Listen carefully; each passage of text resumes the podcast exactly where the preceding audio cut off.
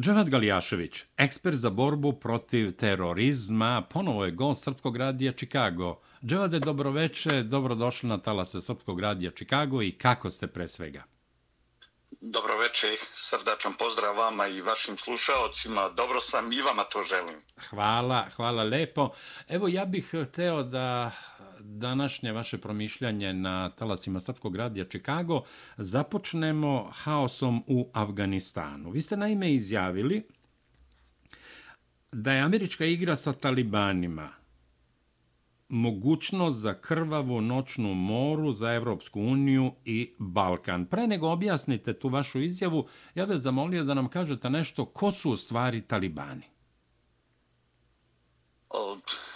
u stvari uvijek kada krećemo od Afganistana, dakle i njegovih problema koji su krenuli puno prije i ruske intervencije, a pogotovo puno prije američke intervencije, mi u stvari krećemo od prvih državnih udara od 73. godine pa ponovljenog udara 78. 1978. koja se praktično uzima kao početak građanskog rata u Afganistanu. 79. imali smo ulazak Sovjetskog saveza, dakle Sovjetske armije u Afganistan i pokušaj da se stane na stranu jednog komunističkog krila u Afganistanu. Naravno, to je samo produbilo probleme i praktično Sovjetski savez se povukao posle 10 godina iz Afganistana. U stvari, otpor Sovjetskom savezu su pružali u to vrijeme muđahedini, dakle razni pripadnici Mak Hidamata ili onoga što će poslije postati Al-Qaida sa Osamom Bin Ladenom i sa praktično Mula Omarom, Muhamedom koji je bio tada smatralo se emir svih muđahedina na svijetu.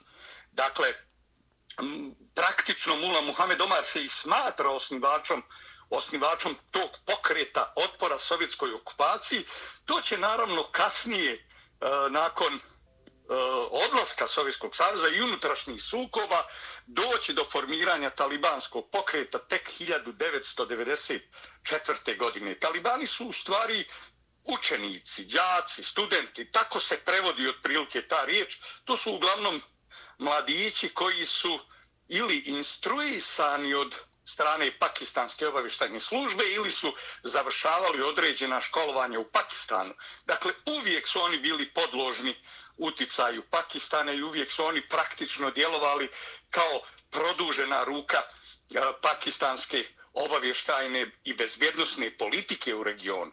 Dakle, ono što Amerikanci nisu vidjeli, oni dakle nisu vidjeli dubinu unutrašnjeg građanskog rata i dubinu podijela na prokomunističke ideologije, dakle, s jedne strane i islamističke ideologije sa druge strane.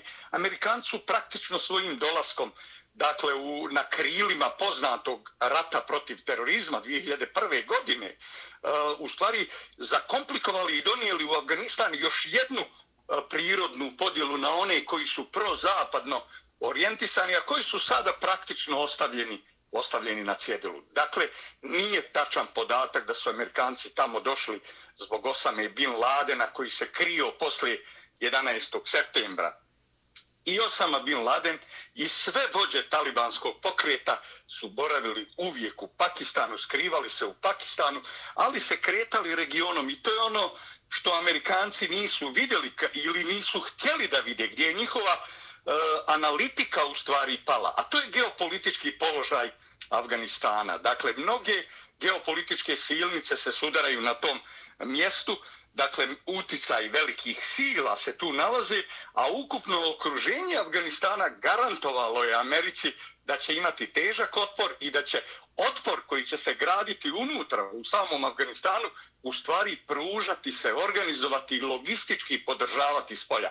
Dakle, kad pogledamo s jedne strane, da je najveća granica sa kojom se graniči Afganistan ona prema Pakistanu, da je druga po veličini praktično e, granica ona koja se graniči e, sa Iranom, da je treća po značaju granica ona koja se graniči sa tri prosovjetske republike, dakle e, to su Tadžikistan, e, to je Uzbekistan i to je Turkmenistan. Dakle, praktično ove tri postsovjetske republike i države poslije će formirati određeni sjeverni savez koji će upravljati čitavim jednim dijelom Afganistana i zajedno sa Šah Masudom i, i sa e, generalom Dostumom u stvari dugo upravljati, boriti se, ponekad gubiti, ali zadržavati, dakle, uvijek potencijal sukoba unutar Afganistana. Činjenica je da je jednim uskim graničnim pojasom između Tadžikistana i Pakistana e, praktično Afganistan povezani sa Kinom, da izlazi na Kinu. Dakle, mi ovdje imamo sve praktično uh, uticajne sile u regionu. Rusiju, koja snažno djeluje preko E, svojih e, saveznika preko Tadžikistana, praktično ruska vojska je tamo u Uzbekistanu i Tadžikistanu, pa čak i u Turkmenistanu. Oni pružaju zaštitu sad od eventualnog talibanskog napada. E, imamo Kinu koja je sve vrijeme pomagala Talibane i nikada nije htjela priznati novu proameričku vladu. Imamo Iran koji je jedno vrijeme bio protiv Talibana i čak pomogao Amerikancima u prvim fazama napada na Afganistan i okupacije Afganistana, a u narednim uspostavio saradnju praktično sa Talibanima i podržavao je barem zadnjih desetak godina. Dakle, praktično sve ove snage su se ujedinile da Amerikanci tamo prođu loše. Amerikanci su imali loše te procjene i unutrašnjih podjela. Te podjele će ostati. Dakle, bili Amerikanci tu ili ne bili. Dakle, talibani su danas praktično najavili formiranje, ponovno vraćanje islamskog emirata Afganistan, dakle uvođenje šerijatskog zakona, ponovo e, položaj ženije se dovodi u pitanje i sve ono što su e, oni praktično obećali Amerikancima u poznatim dogovorima u Dohiju, Kataru, koja je organizovana pod okriljem Katarskog emirata, dakle, praktično to će se istopiti pred silinom potrebe da se islam ponovo uspostavi u Afganistanu.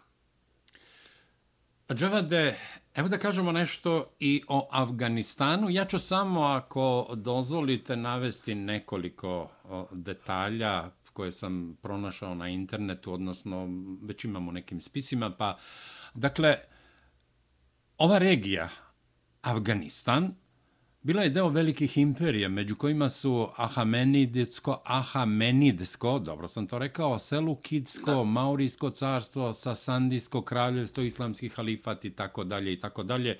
Tamo je 330. godine pre naše ere, došao i Aleksandar Makedonski nakon pobede nad Darijem. Dakle, izuzetno, rekao bih, važan položaj Afganistana. Tu su se smenjivali razni narodi, e, E, postajali su, rekao bih, e, izuzetno cenjeni, poštovani. Danas kad čovek gleda te slike iz Afganistana, e, asocira se na teško siromaštvo, na jedan primitivizam. Međutim, to je nekad bila regija ili, ili sedište velikih imperije, kao što sam rekao, pored toga, recimo, Grčko-Baktrijsko kraljevstvo, Kušansko carstvo, Kabulski šahovi, Belihuni, Safaridi, Samanidi, Gaznavidi, Goridi, Hilđi, Kartidi i tako dalje i tako dalje, pa sve do moderne afganistanske države, Hotakija i Durana. Dakle, recite nam nešto o Afganistanu. Mislim da ako me ne vara sećanje da Afganistan ima negde oko 30 miliona stanovnika, da su bar 2010. je pisano da je u Afganistanu da su pronađene ogromne naslage ruda vrednih bilioni, bilion dolara na hiljade a, milijardi dolara. Radi se o značajnim sirovinama, neverovatno recimo od litijuma do ruda željeza, niobijuma, rezerve zlata su velike, čelika u južnom delu zemlje, ali ono što je dominantno, to su polja maka od kojih se proizvodi heroin. Izvolite. Malo duži uvod, ali... Što Afganistan je da imao, imao bogatu istoriju, vidjet ćemo tu i prve zapise, prve pisane tragove e, mnogo vijekova prije Hrista. Dakle, vidjet ćemo e, jednu bogatu istoriju i nije ni čudo obzirom da se nalazi da ipak graniči i sa Kinom. Ona njena veličina, dakle, koja je e, preko 650.000 kvadratnih kilometara. Činjenica da je procjena da je stanovnika negdje oko 30-35 miliona, da su praktično zadnji ozbiljniji popis bio prije gotovo 20 godina, 2002. godine. Dakle, da je granica sa Perzijom, da je na granici sa Perzijom, da izlazi na indijski podkontinent preko Pakistana, dakle, koji je nekad bio Indija, koji je bio dio Indije. Dakle, očito se u ukrštali ti e, kulturni i civilizacijski sistemi i e, dolazili na granice sa Afganistanom. Danas je Afganistan u stvari jedna od najsiromašnijih zemalja svijeta i to ste e, dobro primijetili. Međutim, upravo geopolitička važnost Afganistana je Ameriku dovela tamo. Prije svega, dakle, i rude i sve ovo što, što postoji pitanje težine eksploatacije, cijene eksploatacije u uslovima nebezbjednosti dovodi to, dakle, uopšte pitanje kao e, relevantno za dalji ostanak američkih trupa. Ali geopolitička pozicija Afganistana mogli bi je povezati samo jednom tačkom sa pozicijom Iraka, dakle, u koji su Amerikanci istovremeno ušli. Dakle, u objavljujući rat protiv terorizma, Sjedinjene američke države su ušle, dakle, i okupirale Afganistan i napale Irak. U suštini, krajnji cilj ove operacije u ratu protiv terorizma je bio, u stvari, krajnja meta je bio Iran. Amerikanci su mislili da kad uđu u Irak, Dakle, i kad uklone režim Sadama Huseina, imaće otvoren put do Irana i naravno tu su previdjeli jednu važnu stvar, da je Sadam Husein imao na raspolaganju tek 25% četvrtinu stanovništva sunita koji su bili na njegovoj strani, a da je preko 65% šita koji su uvijek proiranski nastrojeni, dakle koji prihvataju uh, verziju i uh, percepciju islama koju Iran u stvari je formulisao kao takvu šiitsku, takozvanog džaterijskog, pravnog i dogmatičkog pravca.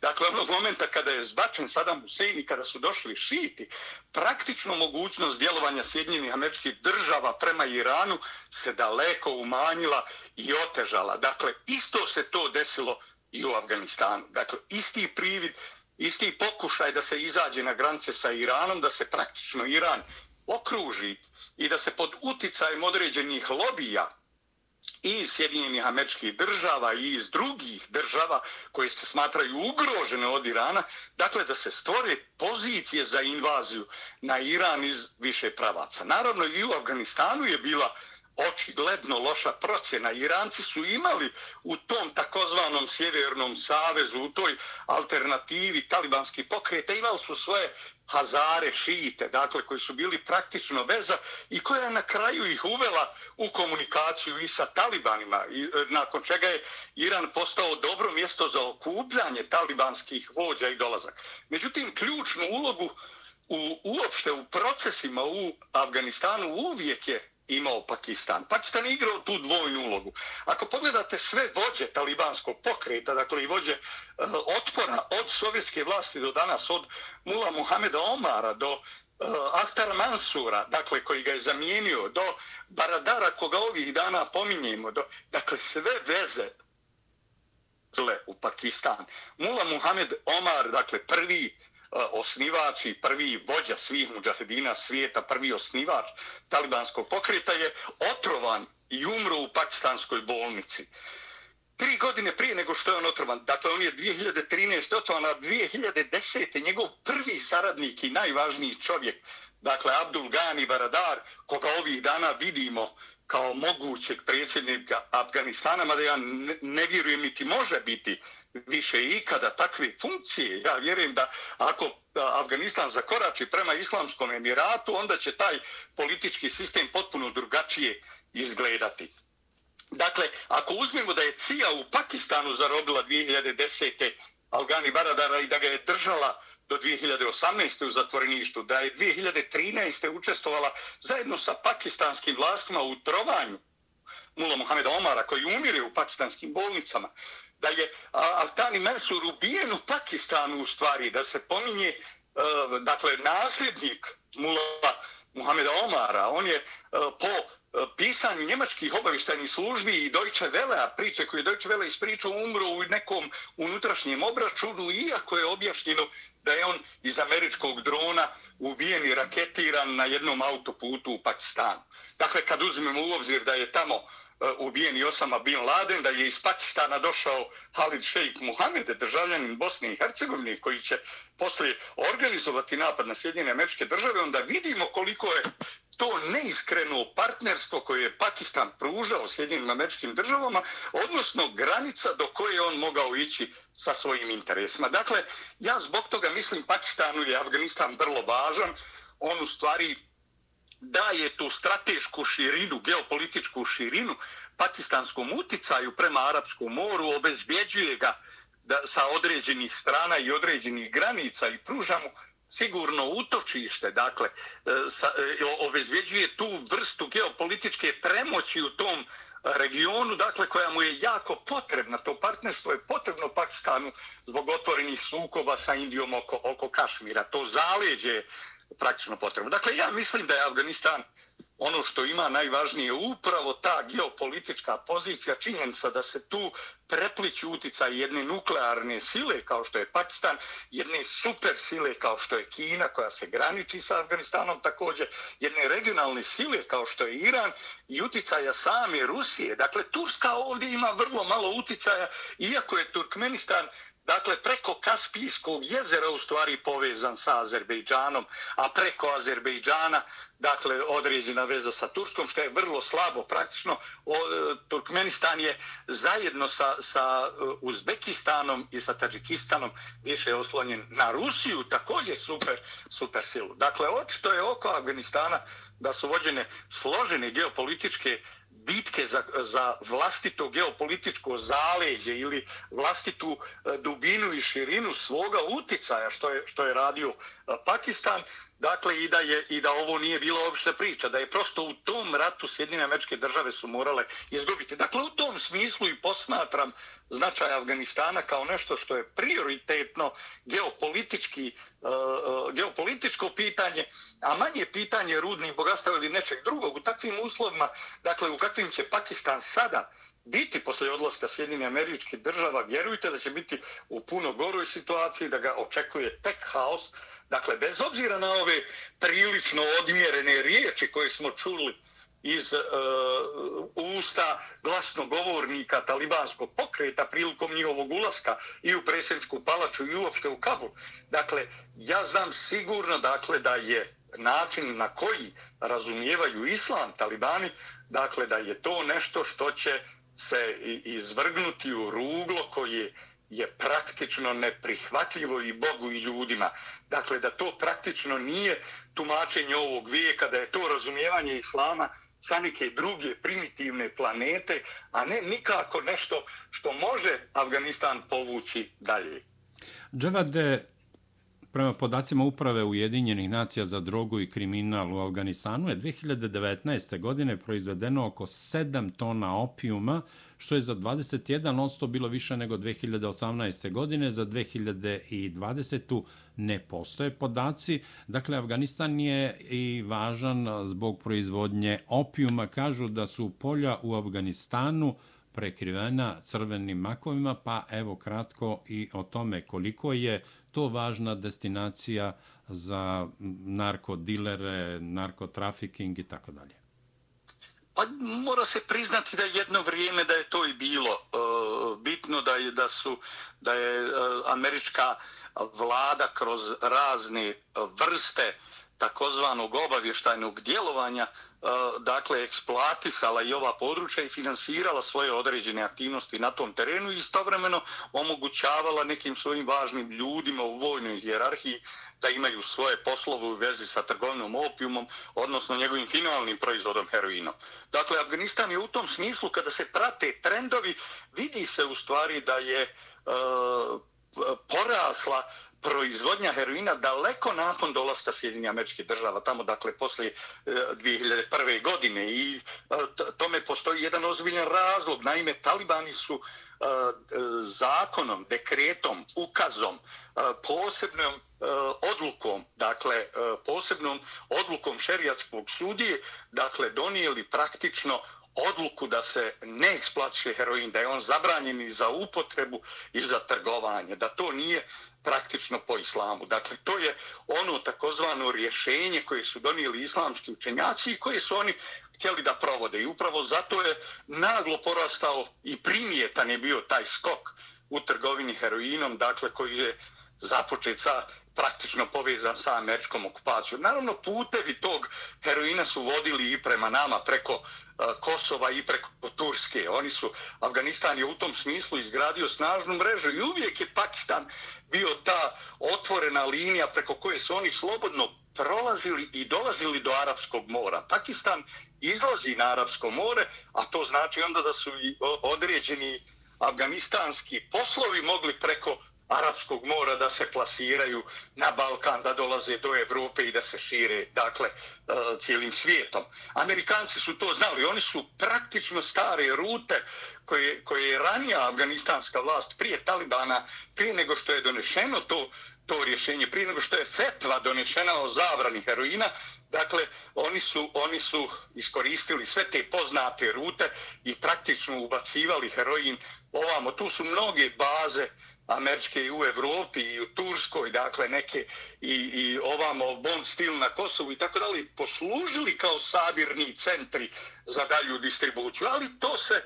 nije očito dovoljno isplatilo kada su podvukli crtu ta brojka je pre, premašivala hiljade milijardi troškovi, e, troškovi e, američke vojske u Afganistanu i uopšte troškovi te operacije prelazili su hiljade milijardi dolara. To je bio ogroman novac koji više, to je bila rupa praktično u budžetu i u financijama koju više ni heroin ni bilo koji drugi posao u Afganistanu nije mogao pokriti niti, niti opravdati. Dakle, jasno da je i to bio jedno vrijeme razlog boravka tamo, ali da sve skupa to ipak nije bilo dovoljno. Ono što je vidljivo kad govorimo o ulozi Sjedinje američke države u samom Afganistanu, ona je obučila vojsku afganistansku, pripremila je za složene operacije, uvježbavala ih dvije decenije. Dakle, i afganistanska vojska je praktično brojala 300.000 vojnika. Dakle, obučeni... I sve se srušilo kao kula od karata. Međutim, njih su porazili talibani čije su procjene bile od 50 do 75 hiljada vojnika. Ali nije bilo dakle, sukoba izgleda mi, mi uopšte. Mi govorimo o nečemu što je u stvari iscrpljivalo Sjedinjene američke države, a nije imalo moć da porazi ni Sjedinjene američke države, ni ovu vojsku.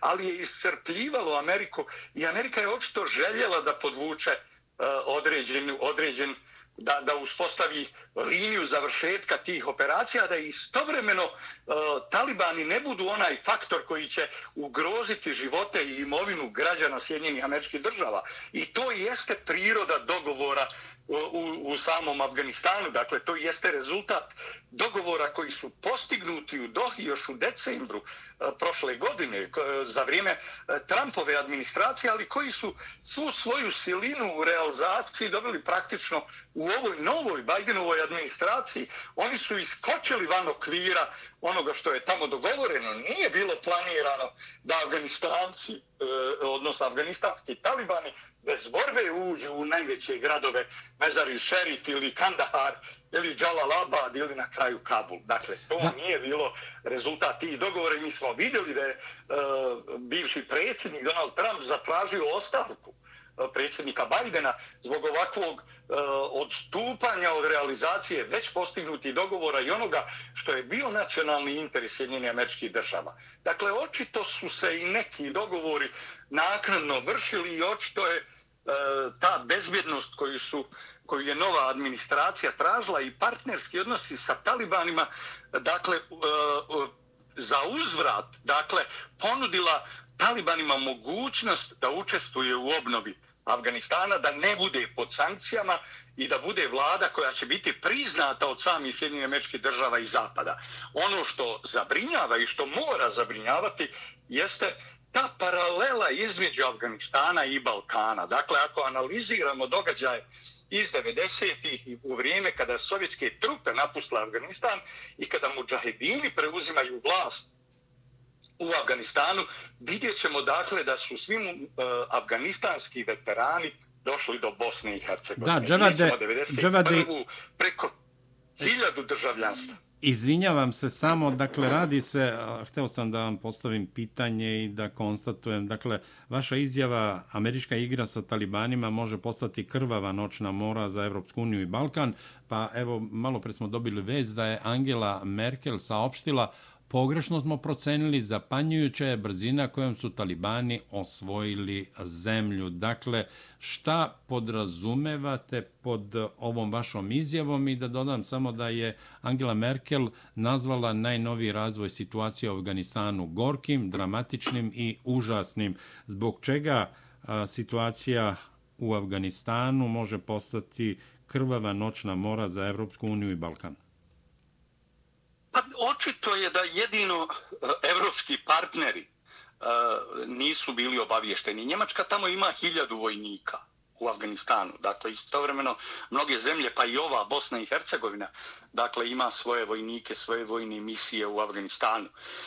A istovremeno, dakle, pored svega toga, oni nisu bili uopšte u toku procesa. Ako analizirate način na koji je Rusija dočekala mogućnost da talibani preuzmu vlast u zemlji i povlačenje vojske Sjedinjene američke država iz Afganistana i ako vidite koliko je efektiva Rusija poslala u svoje partnerske partnerske republike, dakle i Tadžikistan i Uzbekistan i Turkmenistan i kako je rekla da će braniti te države od eventualnih talibanskih napada koji se uopšte i ne očekuju, ali Rusija želi da bude spremna vojno, dakle vidjet ćete da su Rusija i Kina i sam Iran znali tačno kako se odvija ovaj proces i šta će se desiti. U tom smislu Njemačka je bila razočarana jer oni uopšte nisu bili, e, nisu predvidjeli ovakav proces. Oni su mislili imamo tri mjeseca vremena da povučemo trupe, da se reorganizujemo, da uspostavimo komunikaciju sa talibanima prije nego što oni preuzmu, preuzmu zemlju. Dakle, sada međutim komunikacija Evropske unije sa talibanima, nakon što oni već su preuzeli zemlju, pa njima Evropska unija više i ne treba ni zašto. Istovremeno Evropska unija nema izgrađene uh, obavještajne ni bezbjednostne mehanizme zajedničke koji bi štitili granice Evropske unije, koji bi prikupljali informacije u dubini određenih ratišta ili strategijskih pravaca na kojima se dešavaju važna geopolitička odmiravanja i sukobi, koja bi pripremala praktično Evropu za određene probleme, dakle, i rješavala ih, vršila preventivne akcije i tako dalje. Evropa to nema. Evropa nema ni jasnu odbrambenu politiku. Šta je evropska odbrambena politika bez uloge Sjedinjenih američkih država i Velike Britanije, a ni jedna od ovih zemalja nije u Evropskoj uniji. Dakle, šta je njihova, šta je evropska uloga uopšte e, odbrambena i šta je evropska odbrambena strategija bez NATO-a? A u NATO glavnu riječ vode, dakle, Amerikanci. To, međutim, nije bilo dovoljno da se obavijesti Evropska unija i Evropska unija sada praktično batrga u blatu svoje politike u kojoj je dolazak radikalnih islamista sa Bliskog i Srednjeg istoka ili iz Južne Azije, Afganistan je u Južnoj Aziji, dakle ona je isključivo posmatrala kroz humanitarni aspekt, a to sada vidi i Angela Merkel, dakle koja odlazi praktično u penziju. Dakle, ona sada vidi šta ona i u kakvoj situaciji ostavlja i Njemačku i Evropsku uniju. Ostavlja ih u haosu pandemije, ostavlja ih u finansijskom kolapsu, dakle, i zaduživanju, u nesmiljenom štampanju novčanica eura bez pokrića, 6000 milijardi eura je praktično ostavljeno. Ostavlja ih kao prostor, dakle Angela Merkel odlazi u penziju u momentu kada Evropska unija više nije simpatična ni značajno mjesto za bilo koga, ne predstavlja gotovo nikakvu perspektivu. Dakle, svjesna toga Angela Merkel pokazuje otvoreno razočarenje koje ne pripada lideru takvog formata. Dakle, da kaže mi smo iznenađeni. A, a šta su radili njeni, njene obavišteni službe? Šta je radio BND u Afganistanu, da ju nije mogao obavijestiti o razvoju događaja, da nije, zar nisu imali svoje ljude dakle, u Dohi u trenutku kada su vođeni pregovori, zar nisu mogli shvatiti kuda sve ovo vodi, dakle, na koji način je Amerika u stvari poskupila svoju poziciju kod Talibana i sebi obezvijedila budućeg partnera za neke buduće geopolitičke akcije. A najveći, dakle, ako, ako pogledate Balkan i ako vidite E, paralelu, dakle, po, povučete paralelu sa 90. godinama, vidjet ćete da je prvi komadant Mujahedina u Bosni i Hercegovini bio praktično Riđo Bradi, oslobodilac Kabula. E, čovjek koga e, koji je imao ime šejih Abdelaziz Barbarosa. On je prvi komandant Mujahedina u Bosni i Hercegovini. Mnogi afganistanski veterani, hiljade njih je već 1991. dobilo državljanstva Bosne i Hercegovine upisano u matične knjige. Dobili su falsifikovane nove, neke izmišljene identitete sa novim imenima. Tu su došli mnogi važni ljudi iz svjetskog terorizma i praktično je taj kraj Afganistanskog rata i a, prodor afganistanskih veterana prema Balkanu u stvari stvorio i podigao na viši nivo aktivnost Al-Qaide i pretvorio je u globalnu vojno-političku silu, a ne na tek puku e, malu terorističku organizaciju koja tamo sporadično postavlja neke bombe. A Al-Qaida je tada postala vojno-politička organizacija sposobna da bilo koji dio planete e, destabilizuje, da djeluje na bilo kojoj tački u svijetu i da ugrozi bezbjednost u bilo kojoj zemlji, što su pokazali i događaji u Sjedinjenim američkim državama i kasnije neki ratovi na Bliskom istoku.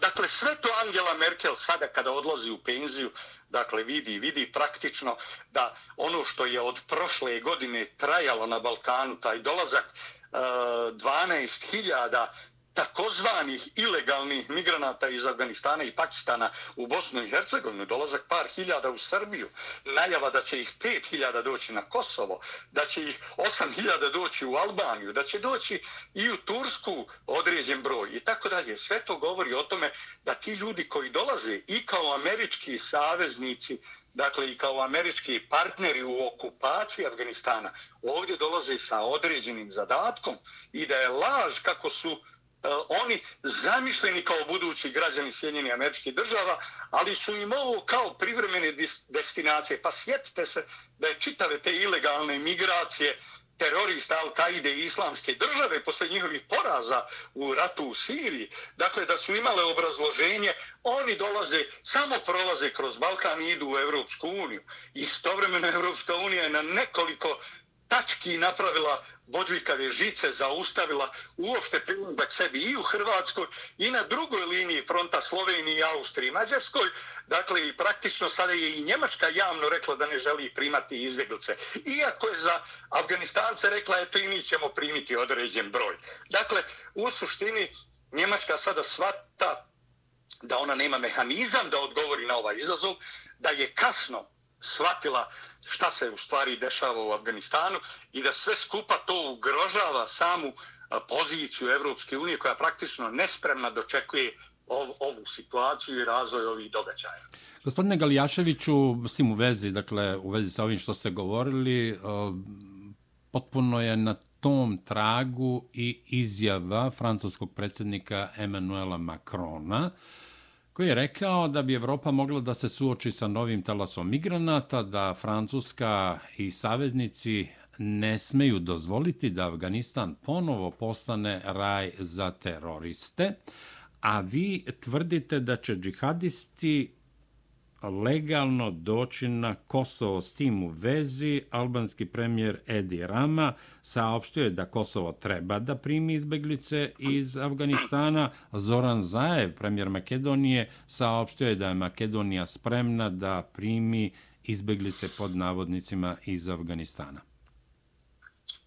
Pa to je klasična francuska i zapadna priča. Dakle, niti su oni došli legalno na Kosovo, niti su vlasti i vojne sile Sjedinje američke države i NATO pakta došli legalno. Došli su, dakle, oni su bombardovali Srbiju bez rezolucije Savjeta bezbjednosti Ujedinjenih nacija i na kraju brutalnim razaranjem natjerali Srbiju da za pregovaračkim stolom omogući dolazak misije Ujedinjenih nacija na Kosovo. Dakle, ali to još uvijek ne znači da su legalno došli. Kad ubijete 3000 ljudi i razrušite svu infrastrukturu, sve fabrike, uništite elektroprivredu, uništite e, namjensku industriju, čak bombardujete medije i poneke ambasade, kao slučaj ambasade u Kini, pa ne možete reći da ste vi posle toga došli legalno na Kosovo i vi nam dati referencu da će i Afganistanci doći legalno na Kosovo. Nema legalnog dolaska na Kosovo, to je neprijateljski čin. Ali kako Amerikanci i Francuzi da to svate ako vlast u Srbiji im to ne kaže? To što vi radite i što mijenjate etničku i vjersku sliku u regionu, to je neprijateljski čin.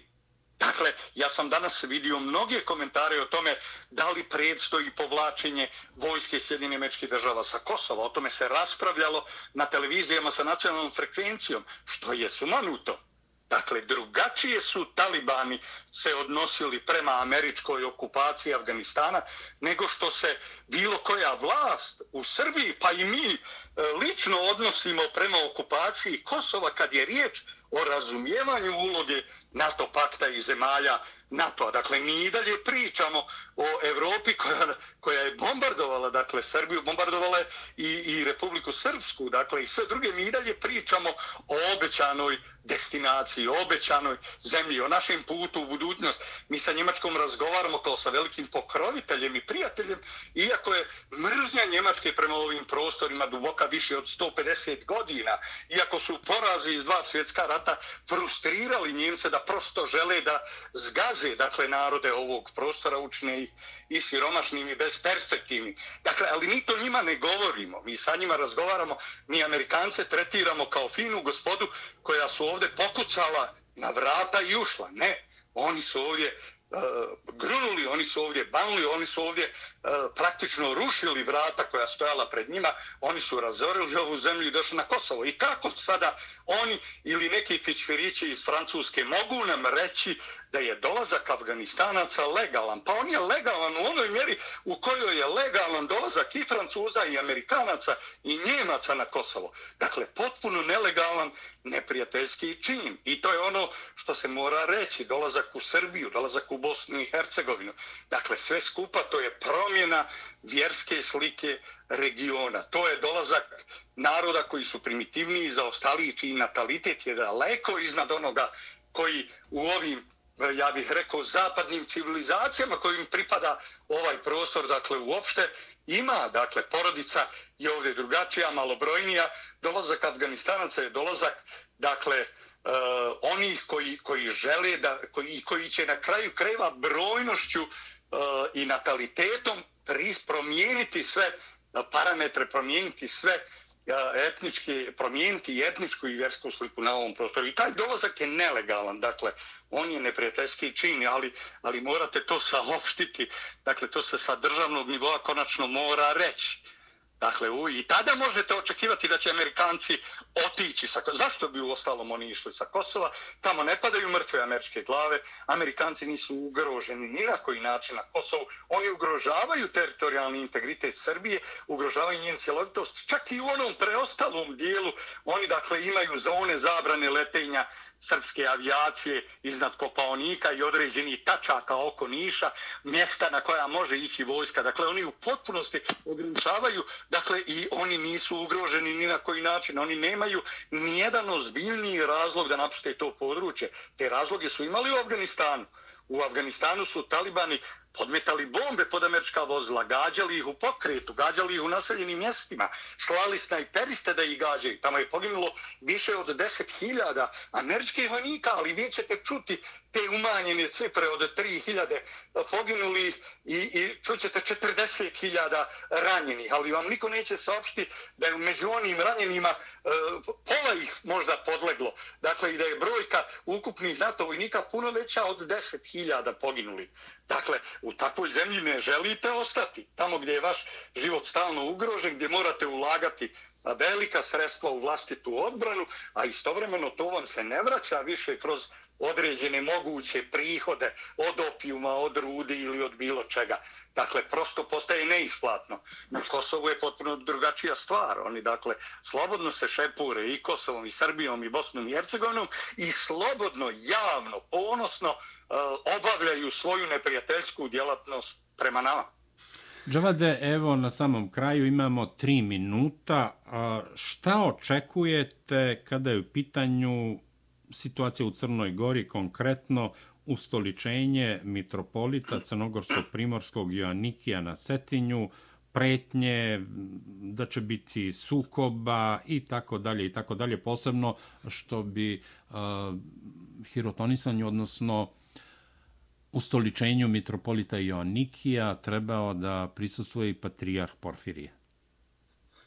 Pa vidjeli smo tu propagandu komita, tu propagandu ateista, dakle iz vrha DPS-a. To su ljudi koji još nisu svjesni da su izgubili vlast i da na ovaj ili onaj način, zahvaljujući tim unutrašnjim sukobima u pobjedničkoj koaliciji, dakle, još uvijek mogu da prijete i da galame. Još uvijek nije stavljen pod nadzor ni tužilački, ni uopšte pravosudni sistem, još uvijek obavještajna služba ima iste one operativce koji su dojuče te iste poslove radili. Uvijek su kriminalni klanovi, dakle i razvojnička mreža koja trguje narkoticima i vrši likvidacije širom Evrope, dakle još uvijek je pod kontrolom pojedinih ljudi iz DPS-a i sigurno je da ove prijetnje treba ozbiljno shvatiti. Oni su razlog jedne e, nagomilane mržnje koja se tamo stvorila, izgubili su, dakle mnogi njihove vođe su pohapšene širom Evrope, od Slovenije, Srbije, Hrvatske, dakle vođe tih kavačkih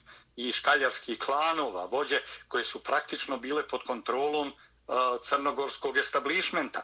Dakle, sada kada, kada znaju, oni, oni staru mantru koriste. Dakle, oni stalno govore o velikosrpskoj agresiji, o tome da veliko Srbi žele da okupiraju Crnu Goru. Istovremeno oni znaju kada se izvrše novi, iz, novi, po, novi popis stanovništva, kada se obavi da će uh, najmanje uh, 35% biti Srba, dakle u, u stanovništvu Crne Gore, da će oni u stvari biti ta relativna većina stanovništva, da Crnogorci, dakle neće biti ta većina i upravo njihov pokušaj da se homogenizuju, da pokažu e, da još uvijek imaju moć da utiču na događaje, da sprečavaju događaje i da se osvete Srpskoj pravoslavnoj crkvi. Dakle, oni smatraju da je Srpska pravoslavna crkva njihov neprijatelj, iskonski neprijatelj i upravo zato se ovako ponašaju. Dakle, istovremeno oni smatraju da je Srbija kao država njihov neprijatelj, da je srpski narod kao, kao e, svjestan hrišćanski narod njihov, njihov neprijatelj. Dakle, nemoguće je takve velike ambicije da se utiče na događaj ili da se ometa jedna crkvena aktivnost, ne mogu dobiti podršku nigdje. To vrijeme je prošlo. Zapadne službe su integrisane u crnogorski obavješteni sistem i odlično znaju šta se tamo dešava, ko tu šta radi i odlično vide. U određenom momentu njima odgovara da Srbija bude u toj političkoj defanzivi i da se pravda. Ali ja ne vidim da se iz Srbije neko pravda zbog ovih događaja ili da pokušava komitima i, i, i članima DPS-a objašnjavati zašto to treba da se desi baš tu, zašto Joannikije treba biti dakle postavljen baš tu na tom mjestu i zašto je to tako predviđeno. Dakle, zašto to tako mora biti. Da, Dževade, evo, Dževade, a, moramo da prekinemo, dakle, imamo još nekoliko sekundi, prosto, a, dakle, šta mislite, hoće li biti sukoba tokom a, ustoličenja mitropolita Joannikija na Cetinju? Neće ne vjerujem da će biti sukoba, oni pucaju iz prazne puške. To jeste smisao mog komentara. Oni jesu zadojeni mržnjom, ali oni više nemaju instrumenta tako važni da naprave pritisak i da izazovu velike sukobe. Gospodine Galijaševiću, hvala vam što ste bili gost Srpkog radija Čikago. Hvala vama.